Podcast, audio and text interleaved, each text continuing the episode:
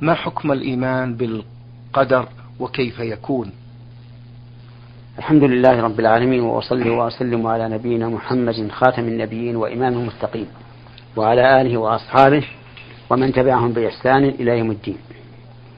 الإيمان بالقدر واجب ومنزلته في الدين أنه أحد أركان الإيمان الستة لأن جبريل عليه السلام سأل النبي صلى الله عليه وعلى آله وسلم عن الإيمان فقال أن تؤمن بالله وملائكته وكتبه ورسله واليوم الآخر والقدر خيره وشره.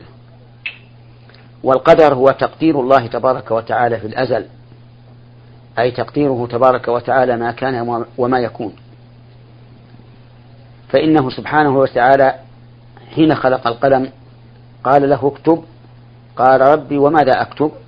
قال اكتب ما هو كائن إلى يوم القيامة. فجرى في تلك الساعة بما هو كائن إلى يوم القيامة. فكل ما يقع في السماء والأرض من أفعال الله كالمطر والنبات والحياة والموت أو من أفعال العباد كالاستقامة والانحراف فإنه مكتوب مكتوب في الأزل. عند الله تبارك وتعالى. فيجب علينا أن نؤمن بذلك. أن الله كتب مقادير كل شيء إلى يوم القيامة. وأن هذا المكتوب شامل لما يفعله تبارك وتعالى هو بنفسه وما يفعله عباده. قال العلماء وللإيمان بالقدر أربع مراتب. المرتبة الأولى أن تؤمن بعلم الله تعالى. الشامل العام للحاضر والمستقبل والماضي. وأن كل ذلك معلوم عند الله بعلمه الأزلي الأبدي. فلا يضل الرب عز وجل ولا ينسى. لما سأل فرعون موسى عليه الصلاة والسلام ما بال القرون الأولى؟ قال علمها عند ربي في كتاب لا يضل ربي ولا ينسى. سبحانه وتعالى.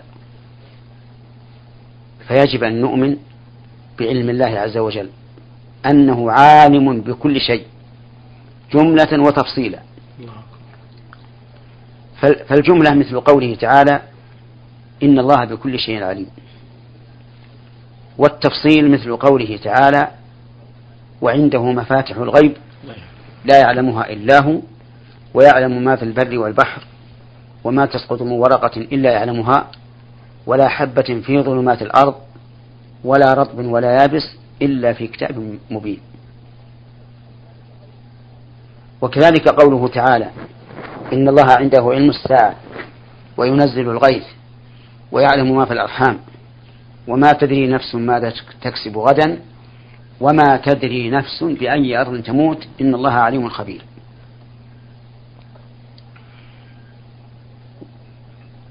وكذلك قوله تعالى علم الله أنكم ستذكرونهن. علم الله أنكم كنتم تختارون أنفسكم. والأمثلة على هذا كثيرة. هذه هي المرتبة الأولى من مراتب الإيمان بالقدر. المرتبة الثانية أن تؤمن بأن الله تبارك وتعالى كتب مقادير كل شيء إلى قيام الساعة. فكل شيء فهو مكتوب عند الله في لوح محفوظ لا يتبدل ولا يتغير. ودليل ذلك قوله تعالى ألم تعلم أن الله يعلم ما في السماء والأرض؟ إن ذلك في كتاب إن ذلك على الله يسير.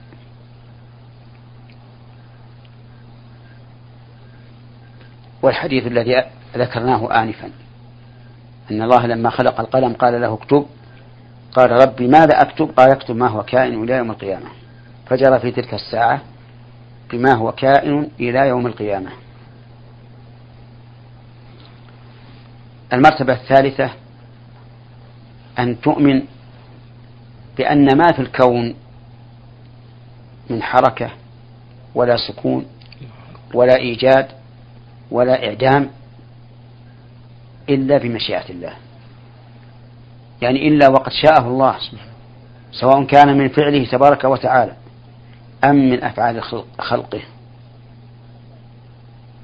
فحركات الإنسان وسكنات الإنسان وطوله وقصره وبياضه وسواده ورضاه وغضبه واستقامته وانحرافه كل ذلك بمشيئة الله.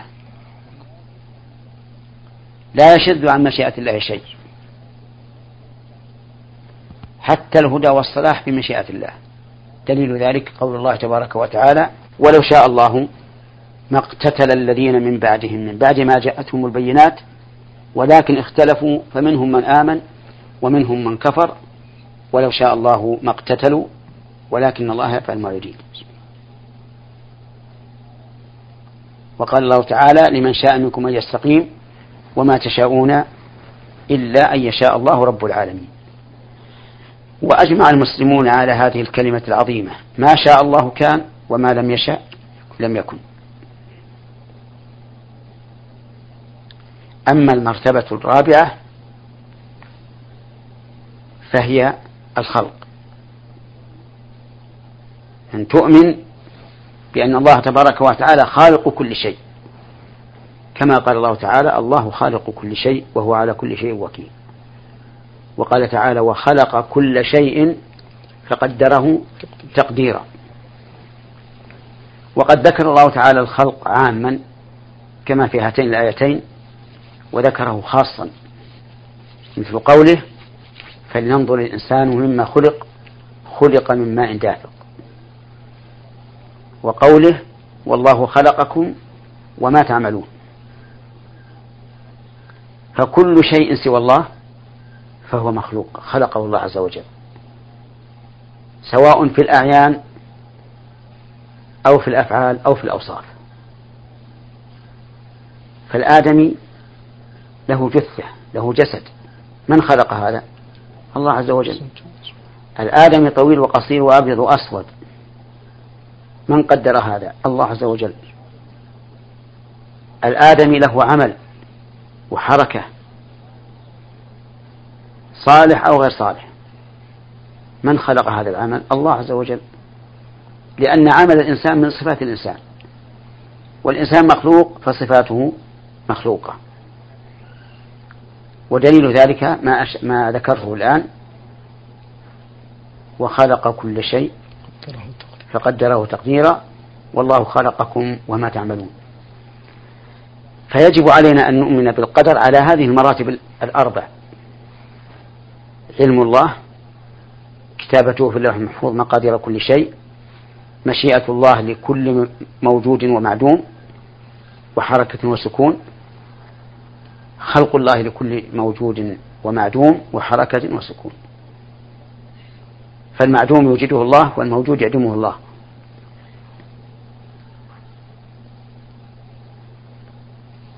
وقد اختلف بنو آدم في القدر وتنازعوا فيه واختلفوا فيه. فمنهم الغالي ومنهم الجافي ومنهم الوسط فالغالي في إثبات القدر قال إن الإنسان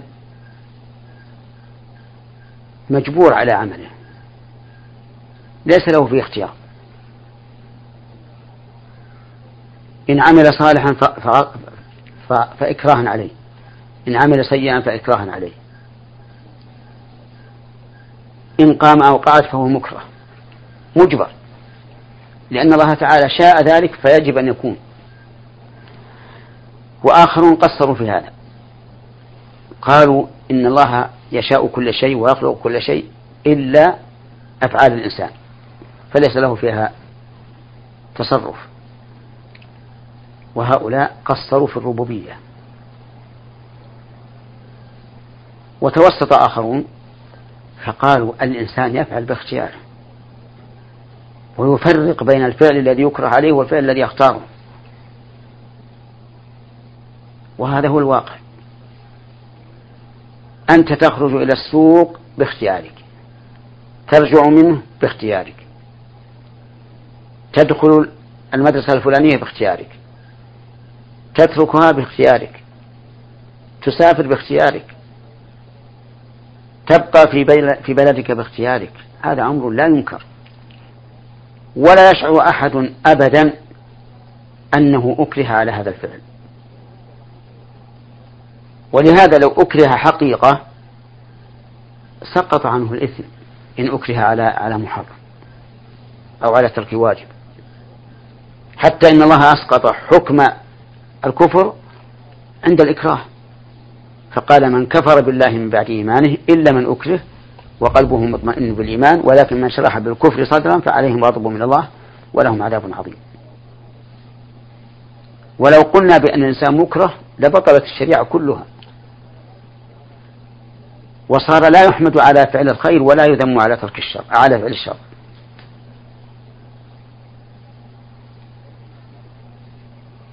فنحن نرد على هؤلاء الذين قالوا انه مجبر بهذا. أما الذين قالوا انه مستقل فنقول سبحان الله الإنسان في ملك الله وكيف يكون في ملك الله ما لا يريد؟ الإنسان مخلوق لله فكيف تكون أفعاله غير مخلوقة لله؟ هي مخلوقة لله وهي في ملك الله. لكن قد يحتج محتاج العاصي بالقدر على على المعصية. فإذا زنى أو سرق أو شرب الخمر قال والله هذا بقدر الله. نقول هل إن الله أجبرك؟ هل تعلم أن الله قدر عليك أن أن تزني أو تسرق أو تشرب الخمر؟ أنت لا تعلم. ونحن لا نعلم أن الله قدر أفعالنا أو أقوالنا حتى تقع. فإذا وقعت علمنا أنه أرادها أما قبل أن تقع فليس لنا عند فليس عندنا علم بما قدر الله. كما قال تعالى وما تعلم نفس وما تدري نفس ماذا تكسب غدا. فالعاصي حين أقدم على الفعل أقدم عليه باختياره ولم يعلم أن الله قد كتبه له أو عليه إلا إذا وقع. ولهذا لا ترى أحدا يعذر أحدا إذا ضربه إذا ضربه الضارب وقال المضروب وقال المضروب للضارب لما ضربتني؟ قال والله هذا بقدر الله. ما لا تجد أحدا يقبل هذه الحجة. يذكر عن أمير المؤمنين عمر رضي الله عنه أنه رفع إليه سارق فأمر بقطع يده. فقال له مهلا يا أمير المؤمنين؟ والله ما سرقت هذا إلا بقدر الله. قال ونحن لا نقطع يدك إلا بقدر الله. المهم أنه لا يمكن أن يحتج الإنسان بالقدر على ظلم الناس وعدوانهم. وإنك لتعجب من هذا العاصي الذي يعصي الله ومعصيته لله ظلم لنفسه ثم يحتج بقدر الله على ظلم نفسه مع أنه لو ظلمه ظالم واحتج على ظلمه بأنه قدر الله ما قبل منه. لذلك لا عذر للعاصي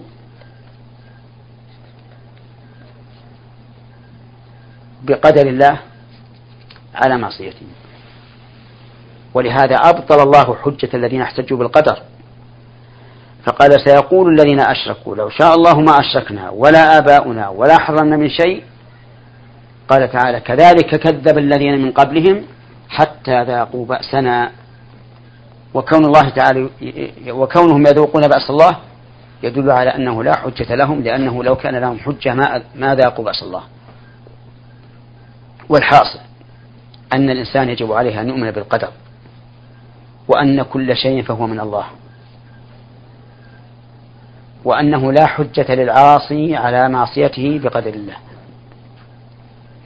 ولما حدث النبي صلى الله عليه وعلى آله وسلم أصحابه فقال ما منكم من أحد إلا وقد كتب مقاده من الجنة ومقاده من النار. قالوا يا رسول الله أفلا ندع العمل ونتكل على الكتاب؟ قال اعملوا فكل ميسر لما خلق له. إذا نحن مأمورون بالعمل. وإذا عملنا ما يرضي الله يسر الله لنا. ثم تلا النبي صلى الله عليه وعلى آله وسلم قوله تعالى فأما من أعطى واتقى وصدق بالحسنى فسنيسره لليسرى. وأما من بخل واستغنى وكذب بالحسنى فسنيسره للعسرى. فنقول أؤمن بالقدر واعمل بالشرع حتى يتم إيمانك. ومن الإيمان بالقدر الإيمان بما جاء مكروها للعبد كالمصائب في بدنه في أهله في ماله في أصحابه في مجتمعه. لا يخلو إنسان من مصيبة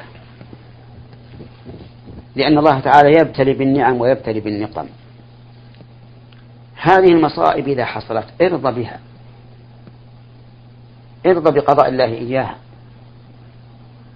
فإن الله سبحانه وتعالى أعلم بمصالحك. كم من إنسان أصيب بمصيبة فكانت المصيبة فتح باب لاهتدائه فالمصائب صقل للقلوب. إذا أراد الله سبحانه وتعالى هداية الإنسان. كما أنها بالعكس في, في أناس آخرين. قال الله تعالى ومن الناس من يقول آمنا بالله فإذا أوذي في الله جعل فتنة الناس كعذاب الله. يعني إذا أوذي في دينه وضيق عليه في دينه جعلها كالعذاب فارتد ونكص على عقبيه والعياذ بالله. فالمهم أن الإيمان بالقدر يهون عليك المصائب. لأنك تعلم أنها من عند الله وأن الله مالك كل شيء. وأنت من جملة من يملكه الله عز وجل. أنت عبد الله يفعل بك ما شاء. فلا تجزع. قال الله تعالى ومن ومن يؤمن ما أصاب من مصيبة إلا بإذن الله ومن يؤمن بالله يهدي قلبه. قال علقمة في معنى ومن يؤمن بالله يهدي قلبه قال إنه يعلم أنها من عند الله فيرضى ويسلم. لو أن رجلا أصابك بأذى دافعت عن نفسك ولم ترضى. لكن إذا كان الذي أصابك من المصائب من عند الله فعليك أن ترضى لأنه ربك مالكك يفعل بك ما شاء. فإذا صبرت واحتسبت الأجر من الله صارت تلك المصيبة رفعة في درجاتك وأجرا وثوابا. إنما يوفى الصابرون أجرا بغير حساب. أحسن الله إليكم شيخ. آه الآية الكريمة إنا هديناه السبيل إما شاكرا وإما كفورا والآية الأخرى وهديناه النجدين. هل لها صلة فيما سبق شيخ؟ نعم. قال الله تبارك وتعالى هل أتى على الإنسان حين من الدهر لم يكن شيئا مذكورا؟ إنا خلقنا الإنسان من نطفة أمشاج نبتليه فجعلناه سميعا بصيرا. إنا هديناه السبيل. أي بينا له السبيل. ووضحناها له سواء كان شاكرا أم كفورا. فهذا فبين الله السبيل ثم انقسم الناس إلى شاكر وكفور. ثم بين الله في هذه السورة جزاء الكافرين وجزاء الشاكرين. أما قول هديناه النجدين فقيل إن معناه بينا له طريقي الخير والشر. فيكون كهذه الآية أو قريبا منها. وقيل معنى هديناه النجدين أه- أي هديناه إلى ثديي أمه. لأن الصبي من حين ما يخرج من بطن أمه ثم يلقم الثدي يعرف أنه ثدي فيمصه. من قال له هذا؟ أقالته أمه لو قالته ما فهم. لكن هذا من الله عز وجل. هداه سبحانه وتعالى بفطرة هذا الصبي أن يعرف أن هذين العضوين في الأم فيهما غذاؤه فيمص والآية ما دامت صالحة للقولين فهي لهما جميعا. لأننا نحب أن نقول لإخواننا المستمعين أن الآية إذا كانت تحتمل معنيين لا مرجح لأحدهما على الآخر ولا منافاة بينهما فإنه يجب أن تحمل عليهما جميعا لأن الذي يتكلم بها وهو الله عز وجل عالم بما تحتويه من المعاني. نعم. أحسن الله إليكم وبارك فيكم فضيلة الشيخ. ما حكم الاستثناء في الدعاء بقولنا إن شاء الله؟ الاستثناء في الدعاء نوعان. أحدهما جائز والثاني ممنوع. أما الجائز فمثل دعاء الاستخارة. اللهم إن كنت تعلم أن هذا خير لي في ديني ودنياي وعاجل أمري وآجله وعاقبة أمري وآجله فاقدره لي ويسره لي. هذا دعاء معلق. كذلك في آية اللعان في سورة النور. إذا رمى الرجل زوجته بالزنا والعياذ بالله قيل له أقم البينة وإلا فحد في ظهرك أو ملاعنة فإذا اختار الملاعنة فسيشهد على زوجته بأنها زنت أربع مرات ويقول في الخامسة وأن لعنة الله عليه إن كان من الكاذبين. وتقول وتقول هي إنه كاذب. وتشهد أربع شهادات بالله إنه لمن الكاذبين والخامسة أن غضب الله عليها إن كان من الصادقين. فهذا استثناء. هذا جائز لا بأس به. ومن ذلك ما ذكره ابن القيم رحمه الله عن شيخه شيخ الإسلام ابن تيمية أنه كان يقدم إلى إلى الناس جنائز من أهل البدع. فيشكل عليه. أهم كفار أم مسلمون؟ يقول إنه رأى النبي صلى الله عليه وسلم في المنام. فسأله عن هذه المسألة. فقال له عليك بالشرط يا أحمد. أحمد اسم شيخ الإسلام ابن تيمية. نعم. وعليك بالشرط يعني اشترط. وكيفية الاشتراط؟ أن يقول اللهم إن كان هذا الميت مسلما فاغفر له وارحمه. والله يعلم إن كان مسلم غفر له لا. إن كان مسلما فقد دعوت بحق. وإن كان غير مسلم فقد فوضت الأمر إلى الله. هذا الاستثناء في الدعاء جائز. النوع الثاني استثناء لا يجوز. لما يوهمه من معنى لا يليق بالله عز وجل. مثل أن يقول القائل اللهم اغفر لي إن شئت. اللهم ارحمني إن شئت. اللهم أجرني من النار إن شئت. اللهم أدخلني الجنة إن شئت. هذا لا يجوز. لأن هذا الاستثناء يوهم معنيين فاسدين. المعنى الأول أن هذا أمر عظيم يشق على الله عز وجل. فتقول إن شئت. كما تأمر غيرك بأمر وتشك في قدرته عليه فتقول إن شئت حتى لا ترهقه.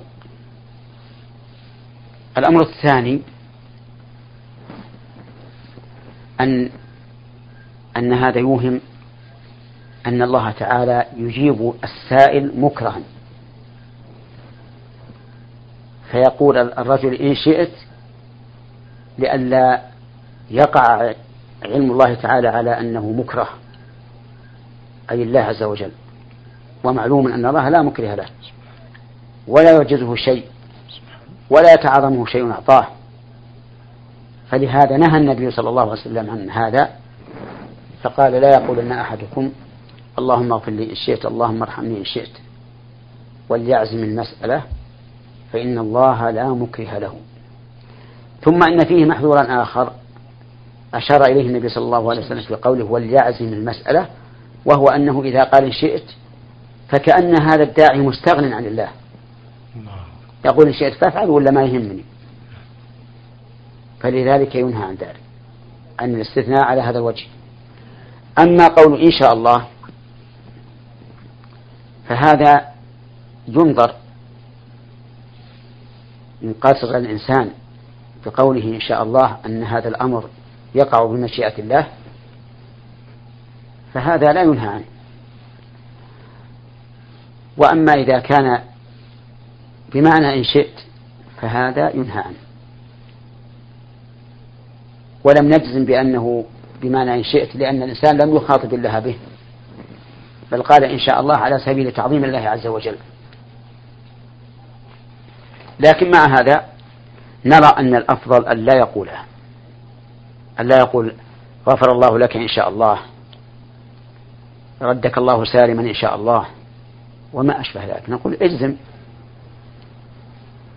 فإن قال قائل أليس من دعاء عيادة المريض أن يقول العائد للمريض لا بأس طهور إن شاء الله؟ فالجواب بلى.